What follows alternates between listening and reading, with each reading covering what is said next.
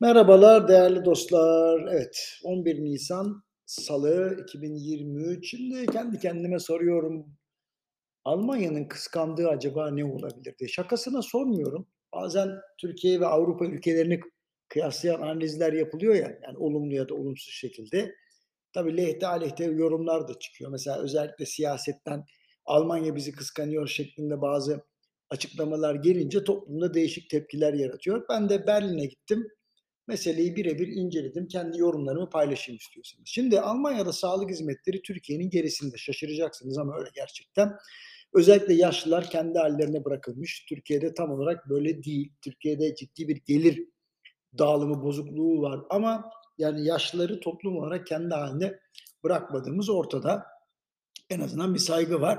Mesela emekli olan Alman vatandaşların Türkiye'de yaşamak iste, istemesi pek bu saygıdan kaynaklanmıyor aslında.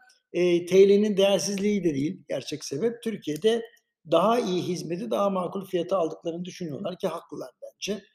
Eczanelerde bir kere her ilacı bulmak mümkün değil Almanya'da. Sosyal güvenlik sistemi her talebi karşılamadığı gibi ilaçlar pahalı. Ama bunu tabii satın alma gücüne göre söylüyorum. Satın alma gücüne göre Türkiye'den daha pahalı. Hem Almanya'da hem Türkiye'de gıda fiyatları alım gücüne göre pahalı ama Almanya'da herkese uygun restoran ve kafe var. Kimse kusura bakmasın. Yani aile üyeleriyle tatil gününde harcanan para gelirle kıyaslanınca Türkiye maalesef pahalı kalıyor. Et fiyatları Türkiye'de Almanya'ya göre daha pahalı şaka değil.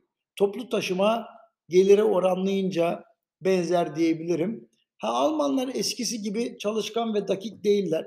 Yani en azından benim yaşımdakiler öyle de gençler için bunu söylemiyorum. Neden? Çünkü işler değişti artık. Biraz daha hani reel sektörden çok hizmet sektörüne kaymış gibi gözüküyor Almanya. Ama bu haliyle bile Türkiye'den tabii fersah fersah ileride. Şimdi bir benzerlik daha Almanya'da da inanın her yerde inşaat görüyorum. Ama Türkiye gibi değil. Oldukça planlı. Eski binaların renovasyonu büyük markalar tarafından üstlenilmiş ve sadece apartman dikmekle kalınmıyor.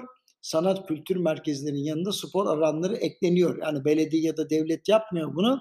Tamamen yükleniciler yapıyor. Yani çevreyi tam entegre şekilde düzenliyorlar. Bizde öyle bir şey yok.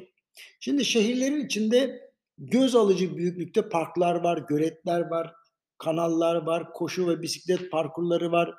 Doğal haliyle bırakılmış ama bakım yapılan bir tabiat var. Bizdeki gibi hani bazı günler kapalı da değil, açık. Betonla da ayar verilmemiş. Bizde bir de öyle var. Betonla ayar veriliyor bahçelere. Niyeyse. Hani bırak kardeşim olduğu gibi kalsın. Neyse. Her gün açık bu parklar ve araç trafiği için düzenlenmiş alternatif güzergahlar var. Yani kestirme yapabiliyorsunuz. Parkın içinden geçip kestirmeden şehrin diğer ucuna geçebiliyorsunuz. Türkiye'de öyle bir şey yok. Yani medeni şekilde faydalanabilecek parklar yok. E biz de çok medeni davranmıyoruz. Hemen mangal yakmaya falan kalkıyoruz parkın içerisinde. Olmaz tabii. Şimdi bunlar iktisadi karşılaştırmalar. Bir de sosyal siyasal kıyaslama yapalım. Mesela Almanya'da isteyen herkes her türlü protestoyu veya gösteriyi e, yapabiliyor. Meydanlar dolu, adeta demokrasi şöleni var. Yani e, kriminal bir şey yapmadığınız sürece ondan sonra protesto serbest.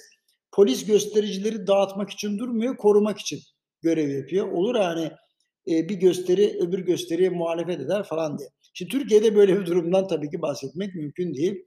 Fransa'da da mümkün değil, Macaristan'da da mümkün değil. Yani Fransa, Macaristan gibi ülkelerde göstericileri bizdeki gibi sertlik gösteriliyor. Bu sebeple Almanya diğer ülkelere göre daha tercih edilir bir hayat sunuyor diyebilirim. Şimdi Türkiye'den Almanya'ya göç etmiş olan insanlarla da sohbet ettik. Hiçbirinin öyle Türkiye'ye temelli geri dönmek gibi niyeti yok.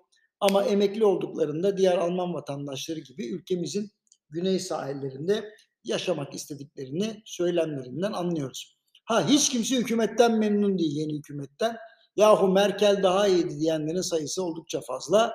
Ayrıca Rusya-Ukrayna meselesinden Avrupa'ya yayılacak büyük bir çatışmanın da endişesini taşıyorlardı. Şimdi benim anlattıklarımdan kesin bir sonuç çıkarılmaz ama en azından Almanya'nın bize kıskandığına dair bir genelleme yapmanın kestirmecilik olacağı ortada yani alakası yok. Onu söylemek istedim efendim. Hepinize hoşçakalın diyorum. Yarın görüşmek üzere.